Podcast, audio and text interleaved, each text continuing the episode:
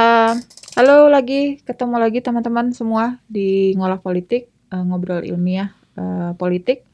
Kita ngobrol-ngobrol sekarang uh, agak serius ya. Padahal misinya ngolah politik itu gift. Uh, Ya, ini tamu baik. kita hari ini datang lagi nih, uh, Bung Algif. Misi kita itu justru membumikan uh, hal-hal yang politik yang kayaknya garang atau kayaknya gimana gitu ke ya keseharian yang relatable dengan kita gitu. Sehingga ya ngobrol formatnya ngobrol seperti hari ini ngobrol. Eh, kemudian em, ya untuk untuk kita juga selain belajar banyak tapi juga kita sharing em, ini ya apa brainstorming lah hal-hal yang tertentu.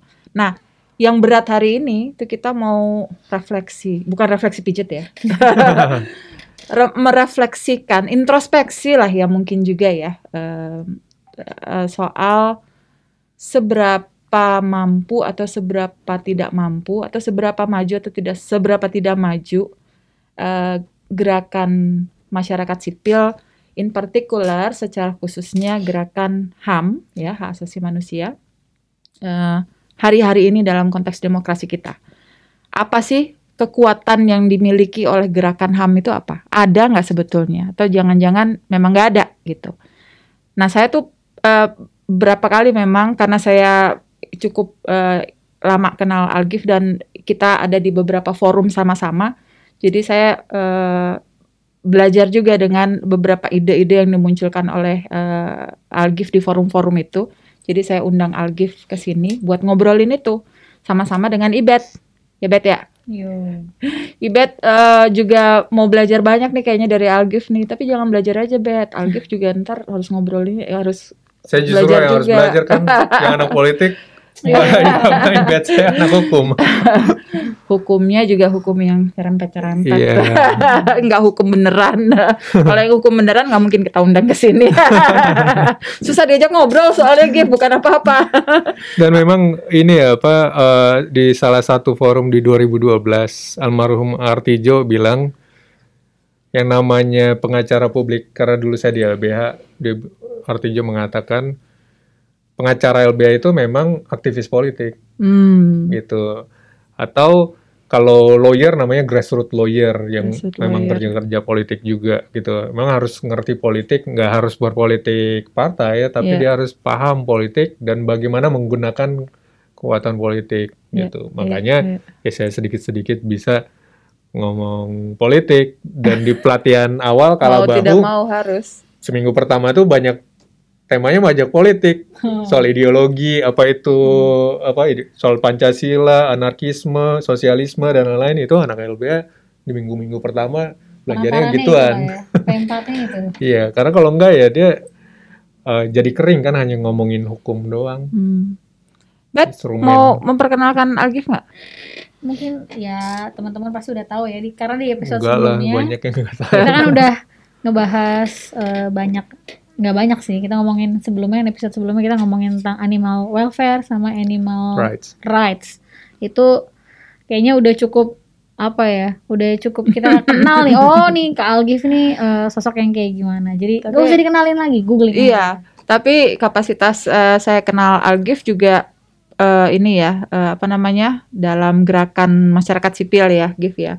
Eh, sejak mungkin kita ketemu pertama pas Algif jadi direktur LBH atau sebelumnya ya kayaknya ya. Sebelumnya kayaknya Sebelumnya ya. advokasi-advokasi pendidikan kayaknya dulu ya.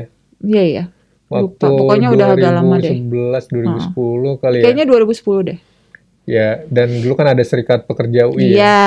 Gitu. Sekarang udah Serikat jadi pekerja UI-nya.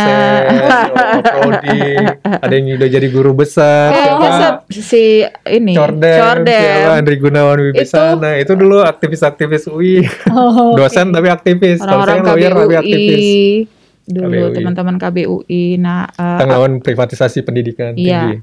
itu berarti udah lebih awal lagi Gif berarti udah Iya. 2000 2004-an kali ya 2005 gitu ya Iya. 2005 2006 Kayak gitu. berarti 2008 2009 Iya, ya. mungkin, Saya mungkin. 2008 di LBH. Tapi setelah itu sih jadi intens, Eh, artinya banyak persinggungan, banyak pertemuan kita eh, di berbagai forum dan ber- di berbagai komunitas gitu ya dengan ini sebetulnya yang mau kita omongin ini nih yang yang yang keter, keter- kebersinggungan kita ini ada di sini. Jadi ya, eh, saya mau ngajak eh, Agif eh, lebih dari sekedar ngobrol, tapi saya ingin ingin tahu juga nih eh, menurut Algif sendiri itu em, eh, apa ya refleksi hari ini dalam hal gerakan HAM itu ada di mana? Karena cukup frustrating sih, Gif.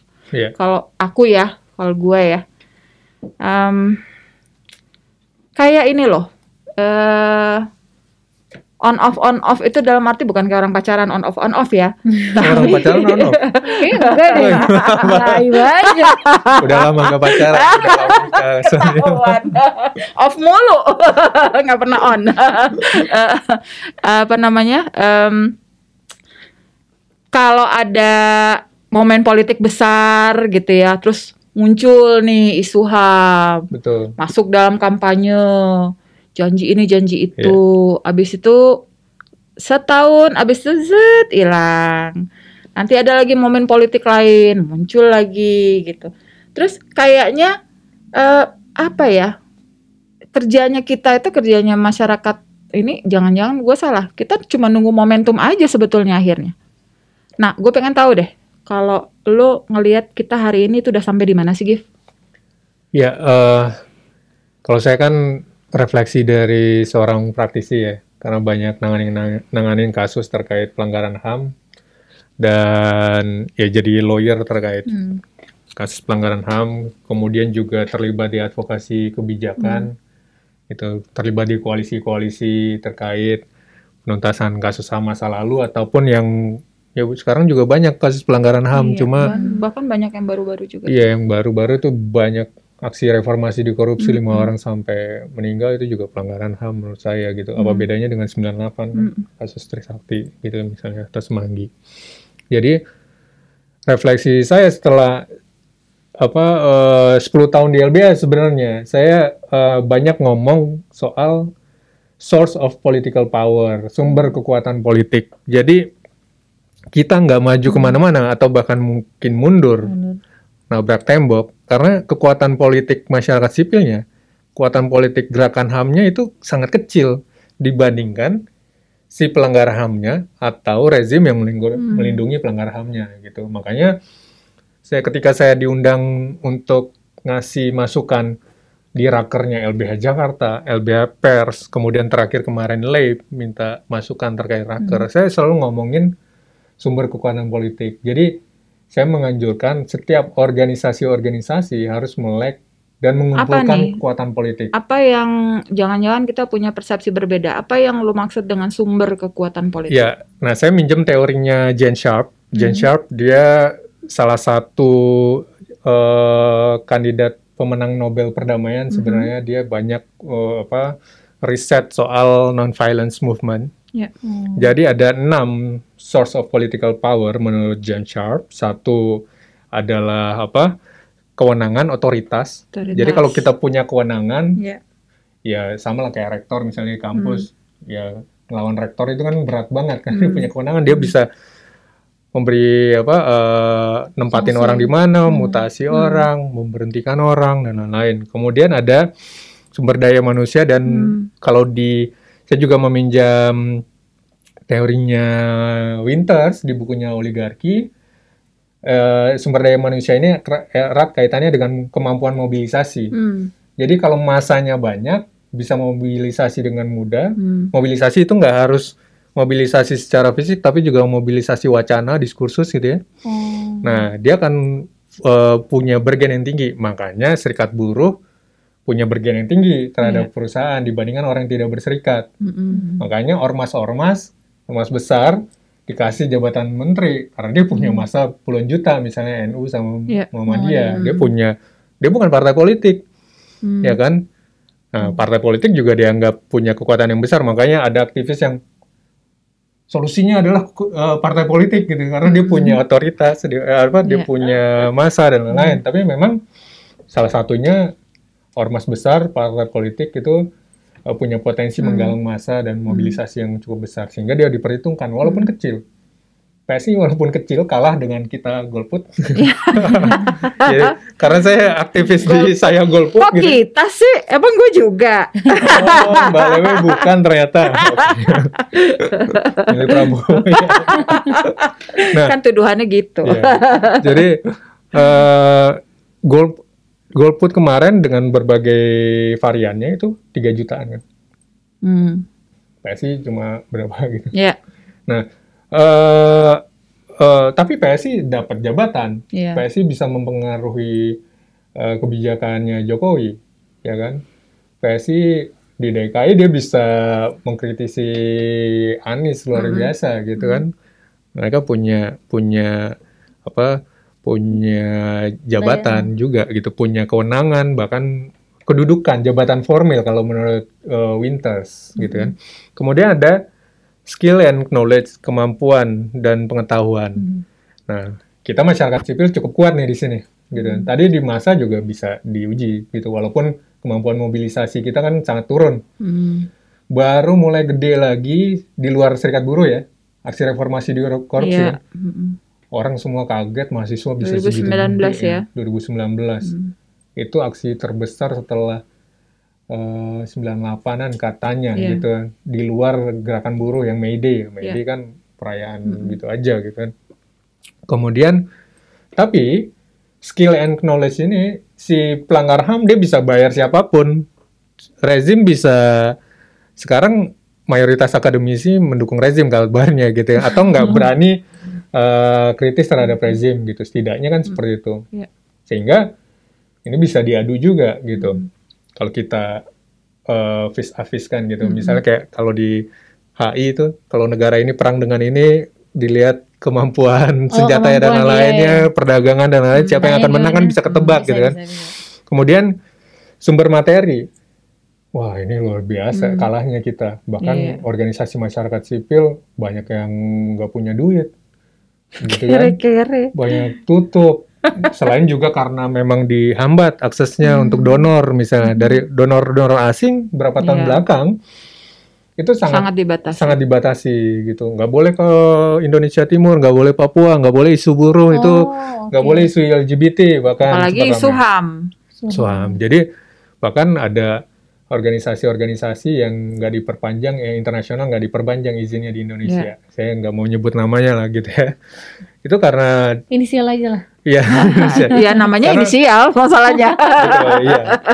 Jadi karena dibatasi juga, makanya kalau ada tema di diskusi sebelumnya dengan Haris Azhar, ini kan apa eh, mengerucutnya apa ruang eh, space. Apa ruang Masyarakat sipil. kebebasan sipil Kebebasan gitu ya. sipil. Salah salah satunya itu adalah donornya juga berkurang. Makanya kita menganjurkan bahkan saya di LBH benar-benar dulu ketika masih aktif di LBH soal public fundraising itu eh, hal yang utama gitu. Makanya kita kampanye ke mana-mana LBH harus ada LBH yang lain juga harus ada Hmm. public fundraising karena itu kemandirian ekonomi. Donornya dihambat, Tapi kita ada publik yang Terus dukung. sekarang kita boleh nggak sih Apa? public fundraising gitu? Boleh ya. Walaupun ada izin juga ke Kemensos kalau tiap tiga bulan itu Oh. harus ada eh, apa izin dari Kemensos kalau kita ngegalang dana ke Iya. publik gitu. Sama kayak kita bisa.com akhirnya kan LBH Hmm. eh, kerjasama Hmm. dom dengan dompet duafa dan lain-lain. Tapi intinya itu nggak ada apa-apanya dibandingkan misalnya em, aktor yang paling banyak melanggar HAM sekarang adalah polisi kan kalau eh, berdasarkan Data- jumlah eh, laporan ke Komnas HAM. Hmm. Memang bisa kita ngelawan polisi yang jumlahnya orangnya tadi mobil itu ratusan ribu, 400 500 ribu polisi ya Hmm. lupa saya. Gitu. Kemudian eh, anggarannya bisa sampai Anggarannya 100 triliun. Wah. Ya, Gitu. susah sih. Kemudian dia punya kewenangan lain bisa memberikan sanksi dan seterusnya. Terus kita mau melawan polisi gitu kan? Hmm. Gitu. Jadi Artinya Ya, udah kalah lagi. dari otoritas juga kan? ya Hmm. kemudian sekarang kalau tiap aksi ditangkap, dipukulin, Hmm. dijadiin tersangka kan? Terakhir kemarin tuh yang hari Yang buruh, pendidikan. May Day dan hari pendidikan termasuk anak UI berapa ada yang jadi tersangka kan? Itu yang mana? Yang Aksi. Hardiknas. Oh. Hardiknas. Day juga kan? Hampir semua anak UI itu Hmm. setengahnya kalau nggak salah peserta aksinya di ditangkap gitu. Nah, kalau mau eh, mengkritisi polisi, membawa polisi lebih akuntabel, bisa dihukum. Ya makanya eh, gerakannya nggak nggak hanya soal eh, apa eh, melaporkan polisi misalnya ke Propam, Kompolnas dan lain-lain, tapi juga gerakannya harus membawa akuntabilitas anggarannya. Bahkan kalau memang ternyata anggarannya nggak transparan, kekuatan politik dia semakin kuat dan mengancam kebebasan sipil, seperti di Amerika, ada aksi defund, defunding ini polisi kan, Hmm.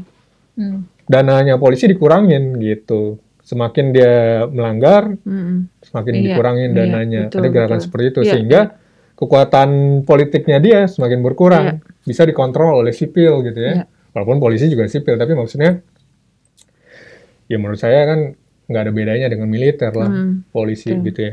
Kemudian sumber yang lain sanksi, pemberian sanksi. Kalau Jadi tadi otoritas, sumber otoritas, manusia, sumber daya manusia, skill and knowledge, skill and knowledge, sumber terus, materi, uh-uh, kita belum ngomongin oligarki yang punya duit Oh, ratusan iya, triliun betul. itu kan. hmm, Bagaimana pengusaha bisa memesan omnibus law misalnya. Ya saya bilang memesan ya, karena memang mereka Berarti- jadi panitia perumusan kadin ini apa Mesen udah kayak ojol aja. Betul. Jadi eh, bayangkan omnibus law itu ibarat gini. Kita teman-teman aktivis perempuan, gerakan perempuan perlindung mendorong undang-undang PKS, mm-mm. RUU PKS kan. Jadi undang-undang PKS itu eh Penghapusan kekerasan. penghapusan, Penghapusan kekerasan seksual. gitu ya. Ibaratnya Mbak Lewe hmm, itu jadi perumus undang-undangnya langsung dan kemudian disahkan oleh DPR. Iya. Itu yang terjadi di omnibus. Hmm. Pengusahanya yang merumuskan, Hmm. kemudian dis- tinggal dicap aja oleh DPR dalam Iya. hitungan singkat gitu ya. Betul. Ibaratnya kayak gitu. Ya karena dia punya uang, Mbak Lewe nggak punya uang. Masa sih? Mbak Lewe kalau kalau Mbak Lewe Tadi punya beli nasi ya nasi sekarang kebuli. ya faktanya ada ada ada omongan dari apa anggota dewan gitu ya. Kalau lo punya duit sekitar 20 miliaran lo bisa dapat satu undang-undang. Serius? Siapa yang ngomong begitu? Bisa dapat apa satu? Ya. Tapi Nggak perlu diucapkan sih nggak perlu sebetulnya, diucapkan tapi ya. kita Tapi tahu. kan kita sama-sama tahu Iya. bahwa kalau lo mau undang-undang, kalau di US ada aturan soal lobby Iya. gitu, walaupun ya bermasalah juga gitu. Tapi di kita enggak, gitu. Jadi kalau lo mau bikin undang-undang apa tadi, eh eh, eh, ibarat undang-undang PKS gitu ya, kalau Mbak Lewe punya modal 30 miliar, kita kita kasih aja DPR itu fasilitas ke luar negeri, duit, kemudian sign gitu ya. Hmm. Jadi tuh paling yang nolak PKS doang gitu. Mm-mm. Ya kan? yang lain-lainnya pas nah sama seperti omnibus kayak gitu gitu dan itu udah jadi pengetahuan umum Iya. bahwa Iya. undang-undang. Minerba pun kayak gitu Iya. gitu kan Hmm. saya pernah juga ada ada satu kasus undang-undang terkait apa eh, peraturan di bawah undang-undang berubah dalam tiga hari karena dikomplain oleh eh, pengusaha batu bara Wow. gitu kita berapa tahun ngedorong undang-undang PKS gitu ya. Kelompok Hmm. kepentingannya kuat banget betul ya. itu lanjut lagi sanksi polisi punya ini pemberian sanksi tentara bahkan juga juga Oh. punya walaupun banyak nggak formal gitu nggak ada di undang-undang Hmm. gitu kita paling, paling sanksi sosial gitu ya. Iya. naming and shaming paling gitu Iya. nah ada sumber yang lain yang keenam ada intangible factor faktor yang tidak bisa diukur misalnya ibet keturunan raja keraton Hmm. Waduh, keturunan ya. nabi gitu kan Oke. kayak Habib Rizik gitu kan Iya. dia punya kekuatan politik yang cukup besar karena intangible faktornya dia bisa mengerahkan massa yang luar biasa sehingga dianggap mengancam rezim sehingga dia harus dikriminalisasi segala macam dicari kesalahannya gitu terlepas dari kita nggak sukanya Habib Rizik gitu kan Hmm. gitu jadi eh, enam tadi harus kita periksa di indi, apa di tiap-tiap organisasi masyarakat sipil terutama organisasi HAM dan seluruh gerakannya Hmm. Hmm. gitu. Jadi setiap-tiap organisasi masyarakat sipil juga harus menabung Hmm. enam kekuatan ini gitu. Ya carilah siapa kalau dapat misalnya kayak kita ada Gus Roy gitu. ya. Hmm. Gus Roy itu Gus itu dia berarti bapaknya itu yang punya pesantren, gitu kan, Pesantren. kiai gitu kan. Jombang. Seorang Gus Roy dia punya imunitas yang lebih dibandingkan yang lain. Jadi kalau Gus Roy itu ngomong apa eh, menghujat, mengkritik dan lain-lain kan Gus Roy belum pernah dilaporin ITE. Sempat ada mau ada laporan tapi nggak jadi-jadi. Tapi kalau orang lain udah kena gitu. Hmm. Karena faktor Gusnya itu pengaruh gitu sehingga Hmm, Salah sih, Algif nggak ada gusnya di depan. iya kita bikin aja Gus sampai orang Belanda Gus Hiding gitu. gitu. Jadi kita harus nabung sumber materi ya kita setidaknya harus mandiri gitu. Hmm. Sanksi kan kita ya harus setidaknya pemberian sanksi sosial itu harus lebih banyak lagi gitu dan Misalnya juga. sanksi sosial yang lebih berat gitu atau lebih lebih apa efektif tuh apa misalnya? Ya dulu kita misalnya jangan pilih politisi yang poligami Oh, oke. yang pilih politisi Mungkin sekarang busuk. korupsi ya. ya gitu ya, Iya, iya. gitu jadi Tapi ada ya gerakan yang jangan pilih politisi Ada. yang Dulu- dulu ada. Dulu ada. Ini Dulu pemilu atau 2009 zaman ya? kapan nih? 2009 ya kayaknya 2009 ya. Pokoknya Gitu. pemilu ya SBY ya waktu itu kalau nggak salah. Oh. jadi ya kita harus Jangan bisa memberikan.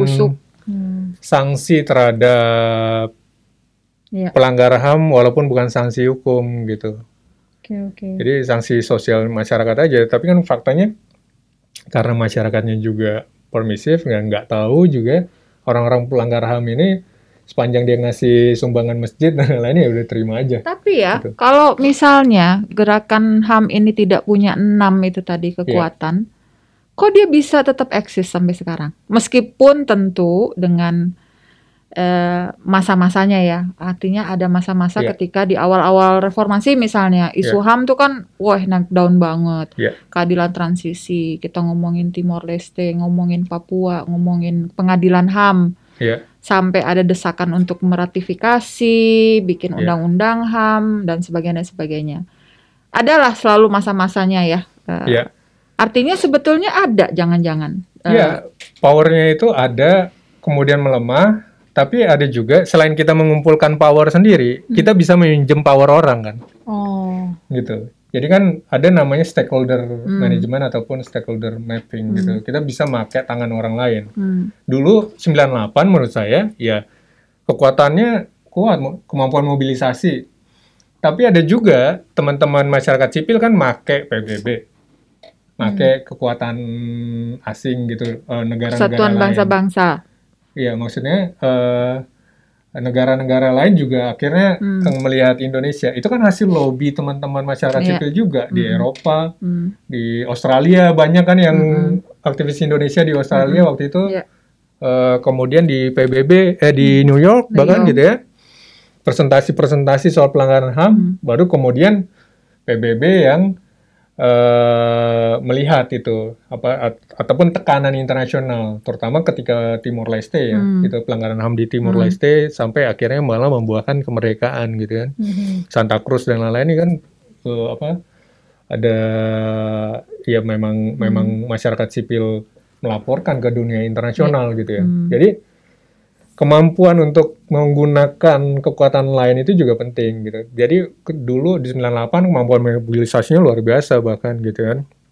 Terus knowledge and skill and knowledge juga luar biasa. Saya baru dapat cerita juga dulu mahasiswa itu sampai bikin kajian melawan GBHN itu tebalnya luar biasa hmm, gitu. Nah itu yang konsep-konsep tanding kan di Hmm. kita udah jarang nih Mbak Lewe. Padahal Iya. itu eh, kalau dalam advokasi Mhm. itu semacam eh, textbook lah gitu. Ketika ada apa Mhm. eh, eh, ataupun ketika prop, eh, mengajukan sesuatu kita ada konsepnya gitu. Makanya kalau di walaupun di undang-undang PKS kita udah ada draftnya sendiri Hmm. tapi nggak juga di ini Hmm. kan direken gitu. Jadi eh, dulu ada kemampuannya tapi eh, kemudian kemampuan eh, si pelanggar HAM-nya juga diturunin. TNI-nya dipecah jadi TNI dan Polri jadi TNI ABRI jadi TNI dan Polri dipecah. Artinya masanya berkurang nih. Masa kurang. Kewenangannya juga berkurang dan lain-lain gitu. Jadi ada gerakan-gerakan reform apa eh, reformis gitu ya. Mereformasi kekuatan-kekuatan politik Hmm. jangan sampai terkonsentrasi secara luar biasa Hmm. itu dipecah Hmm. gitu. Jadi ketika ada momentum reformasi atau bahkan mungkin revolusi harus dipastikan bahwa konsentrasi kekuatan politik si pelanggar HAM ini harus harus terpecah ataupun Hmm. kekuatannya politiknya jadi berkurang gitu. Hmm. Anggarannya mungkin dikurangin atau transparansinya di dinaikin gitu kan sehingga dia nggak bisa macem-macem gitu. Nah ini refleksi saya terhadap gerakan HAM sekarang. Misalnya saya selalu bilang Kamisan harus banyak masa aksinya, Kamisan harus banyak masa aksinya gitu kan. Walaupun saya dulu skeptis dengan Kamisan. Kok bisa? Dulu saya nggak mau datang Kamisan loh.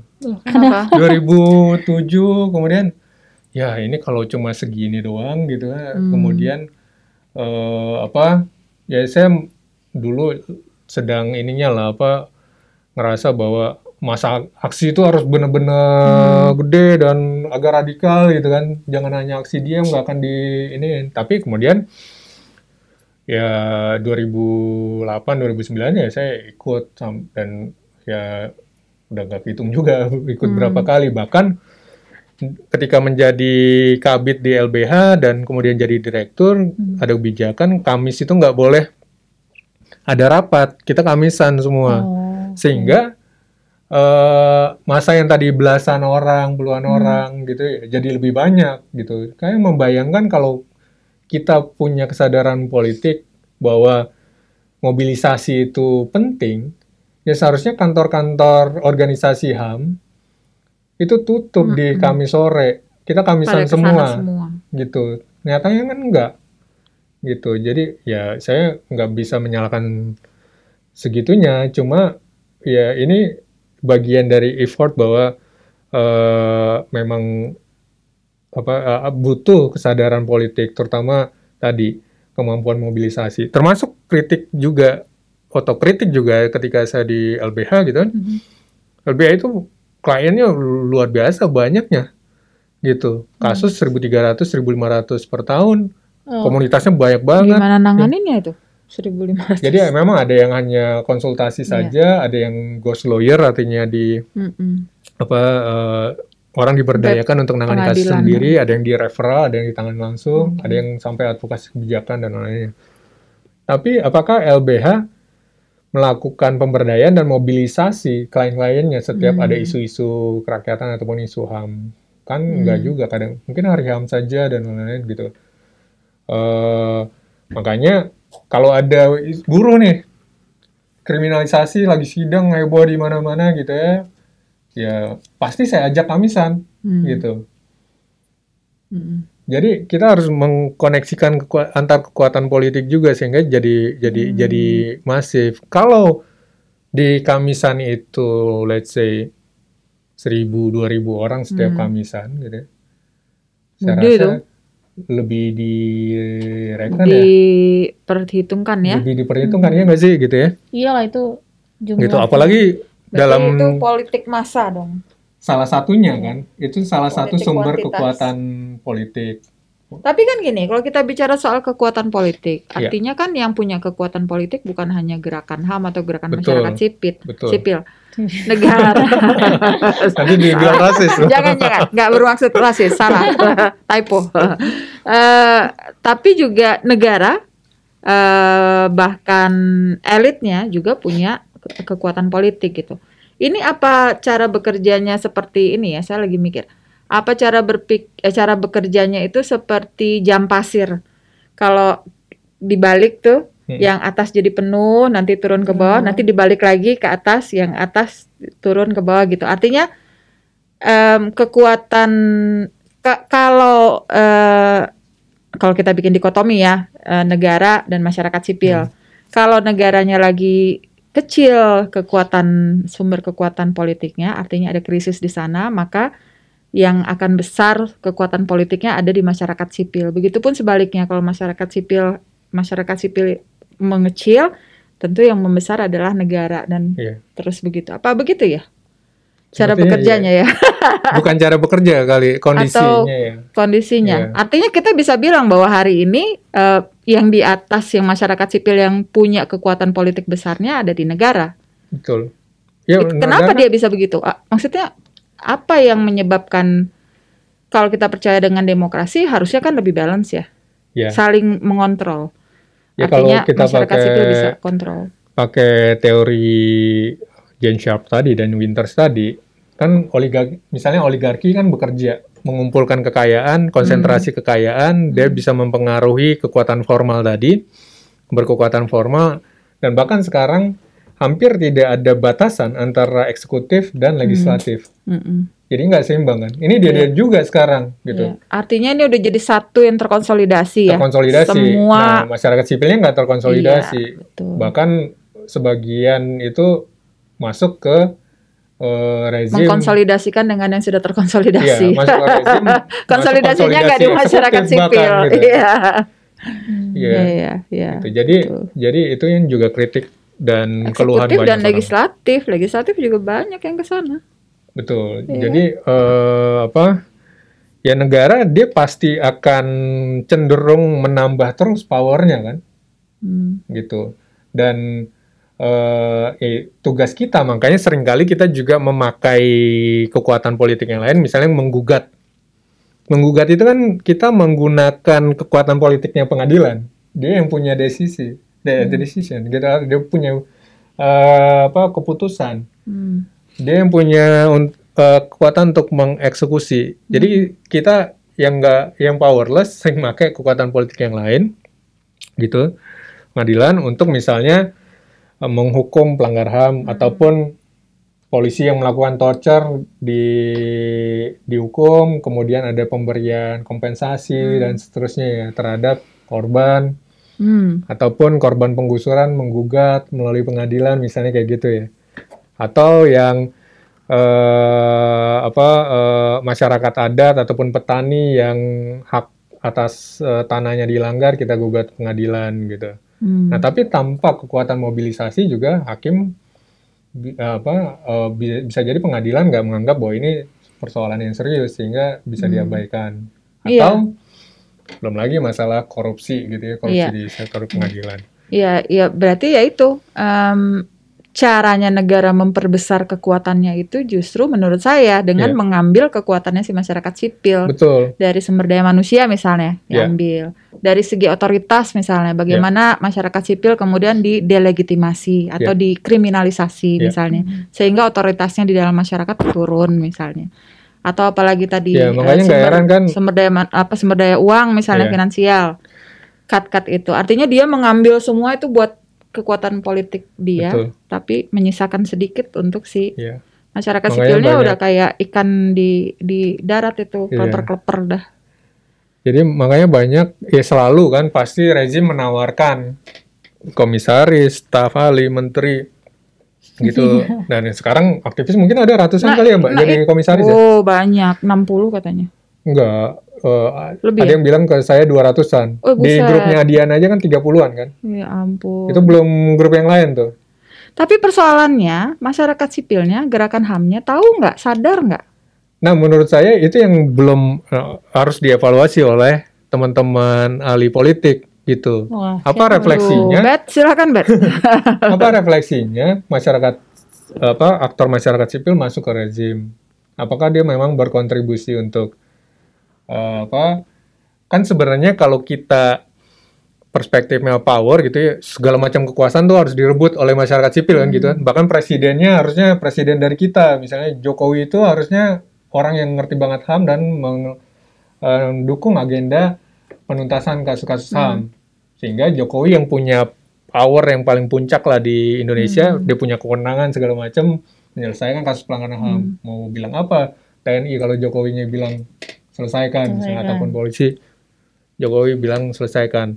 Begitupun dalam eh, level yang lebih mikro gitu ya di aktivis jadi apa pejabat apa eh, anggota DPRD anggota DPR kemudian staf ahli di KSP jadi komisaris Di KSP. seharusnya dia bekerja Sekalian Eh, aja sebut namanya udah disebut lembaganya.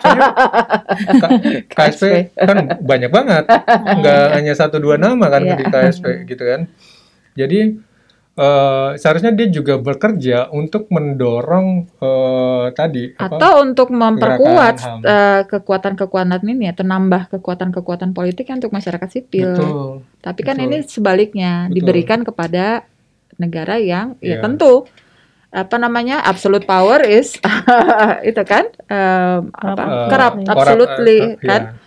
Jadi Oke. ya kecenderungannya gitu. Tapi menarik. Kalau tadi kan Algif bilang saya setuju, sepakat banget perlu ada evaluasi eh, di bahkan di teman-teman gerakan HAM atau masyarakat si- sipil secara umum gitu ya.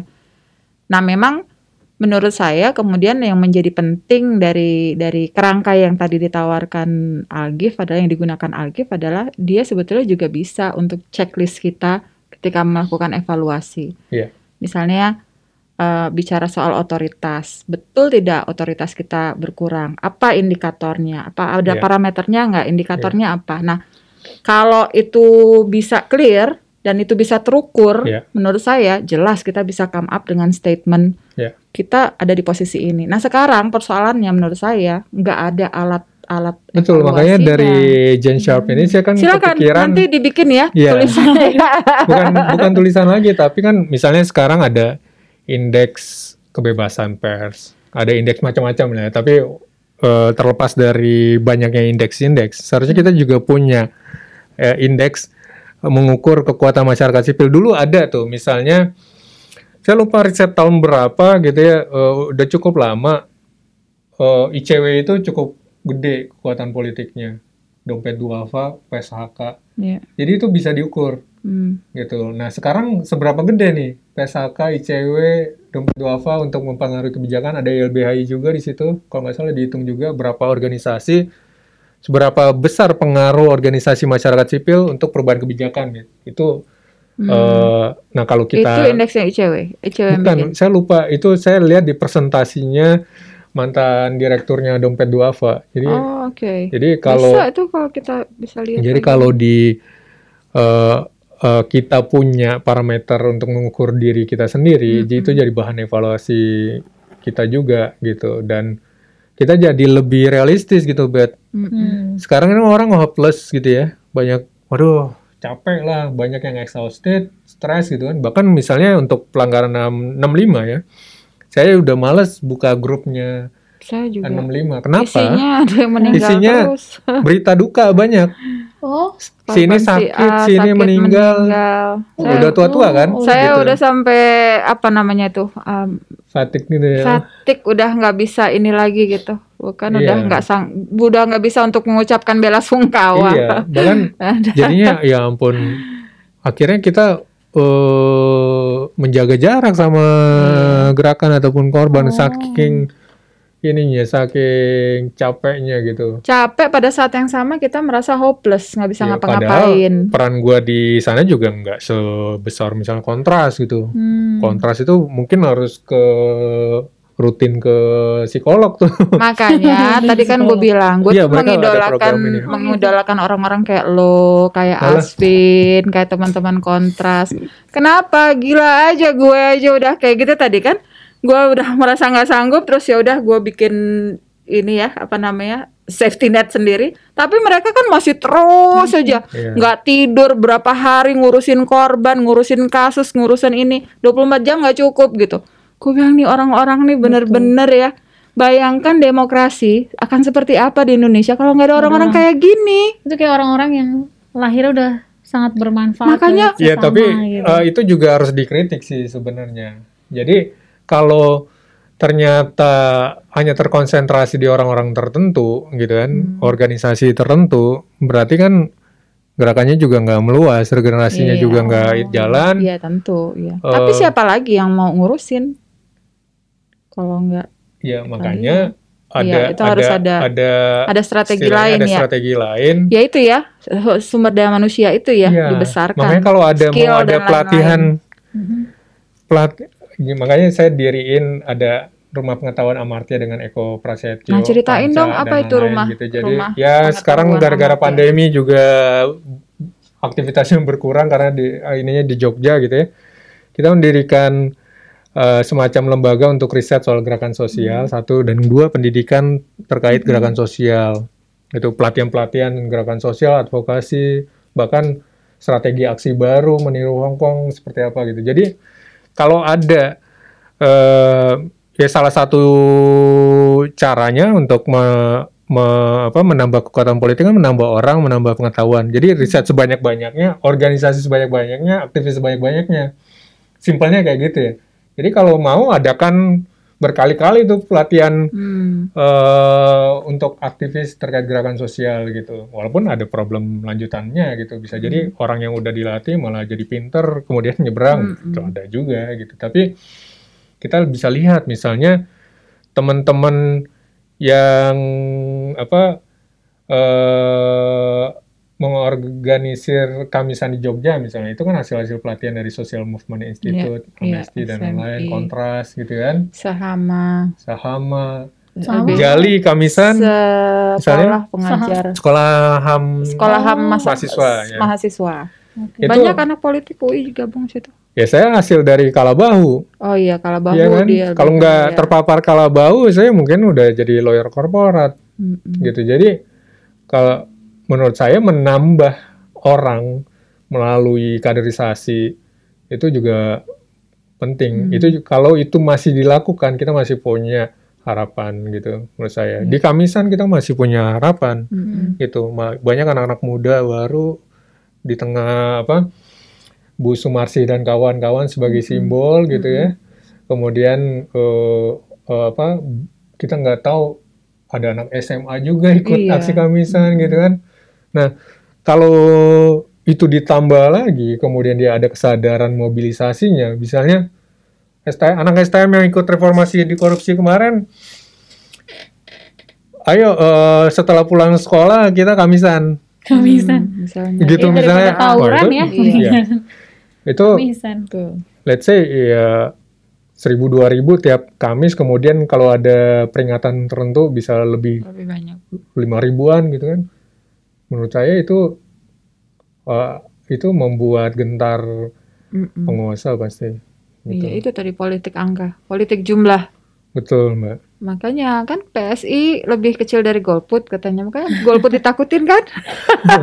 iya dulu Karena dari awal mereka udah tahu bahwa golputnya gede angkanya. iya.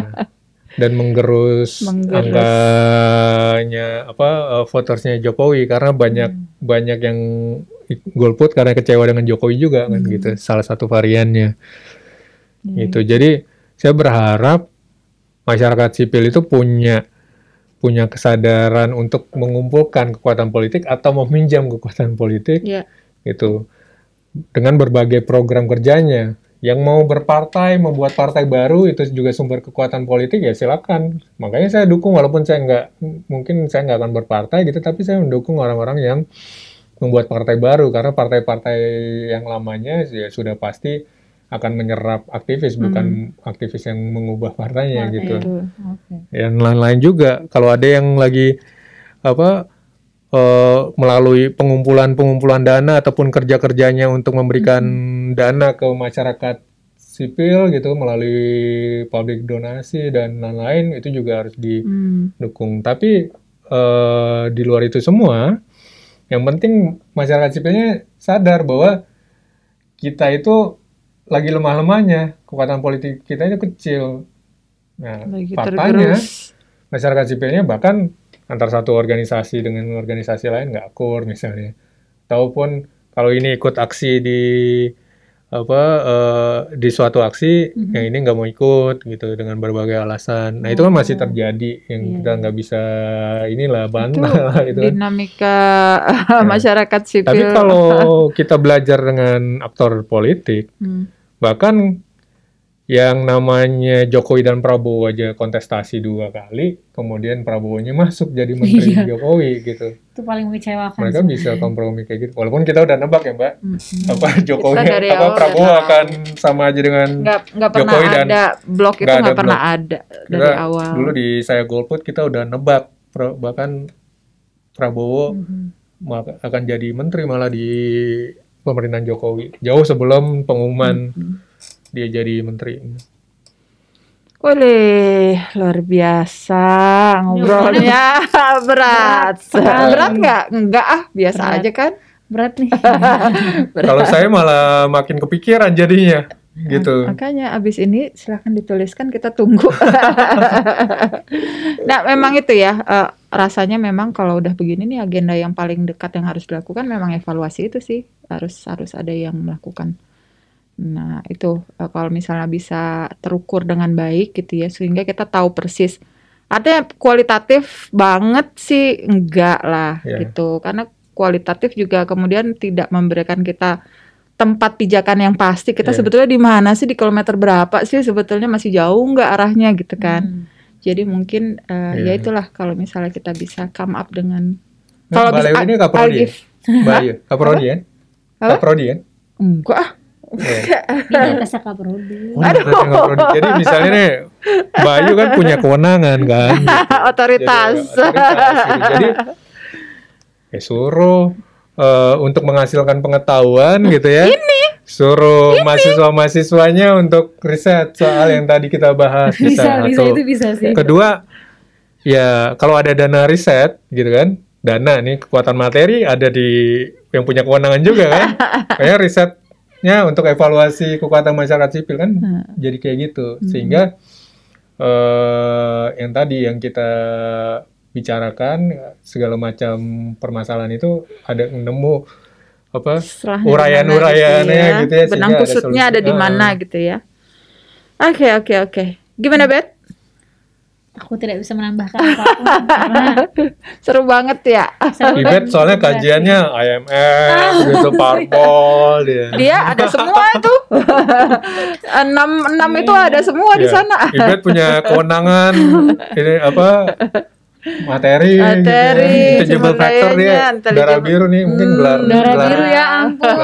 coba sini Makanya seorang Ibet kalau memang dia punya enam kekuatan tadi atau orang tuanya ataupun kelompoknya punya enam kekuatan tadi, seorang Ibet harus di apa jadi aktor untuk eh, penuntasan kasus pelanggaran HAM Bet. gitu. konkret Bet Jadi kita nggak perlu perlu ngumpulin duit dulu, duitnya Iya. udah ada di Ibet. kita lihat aja ya. Oke baik teman-teman Algif makasih banyak Iya. jangan kapok-kapok diundang terus gitu masih ada Semoga nggak pusing ya dengerin saya enggak malah senang kesah. malah senang Eh, jadi kita berpikir podcast terus ya. Kak Algif tuh harusnya dari apa ya punya eh, podcast pribadi gitu kayak Bang Waduh. Haris gitu. Hmm, hmm. Saya disuruh videoin diri sendiri aja untuk campaign saya nggak bisa, nggak pernah bisa. ada satu materi lagi sih yang kita masih mau minta Algif ngomongin. Musik. Hmm, musik dan politik. Algif ini adalah musisi yang orang banyak nggak tahu termasuk Musisi gue. gagal dan ya. Termasuk gue ya dan di CV CV-nya itu orang nggak bakal nyebutin gitu. Adalah dia ini eh, or ketua mantan orkestra. ketua- ketua UI. mantan ketua orkestra UI. Kemudian empat tahun orang yang kemudian main orkes Ibet. itu apa namanya? Apa? orang yang main orkes itu apa namanya? Iya pemain, Ya, pemain apa orkestra. dulu gitu. Kalau ini Iya, selis misalnya. Oh, selis. Kamu apa? Bet? violinis tapi Violin. violin player aja lah. Kayak kalau violinis tuh kayaknya udah udah sekolah musik gitu Iya. kan. Nah, Saya juga main cel gara-gara ngurusin, saya lebih banyak ngurusin organisasinya malah iya. Daripada main musik ya? daripada main musiknya. Jadi hanya Emang pengetahuan dasar musik aja. Organisatoris. Tapi karena itu kita jadi banyak kenal Kak Algif sebenarnya gitu. Nah makanya yang berikutnya nanti kita undang lagi Algif kapan-kapan kalau Algif eh, ada waktu lagi ke sini ngomongin soal musik ya sekalian aja main. Oh. Kalau kalau Selis tuh gimana sih? Gini, gini. ya. Ah. Jadi kayak biola gede yang Nah, kayak bass gitu. betot gitu. Kalau Iya. ada yang kenal Yoyoma, Yoyoma yang biasanya populer. Atau Gif. cello. Atau Makasih. Makasih Ibet Bu- juga yang udah nemenin. Makasih teman-teman semua yang udah mampir ke sini. Jangan lupa eh, di like, kemudian di share, eh, subscribe lah sekalian ya. Iya. Gitu. Oke, bye. dah. Thank you ya. Thank you.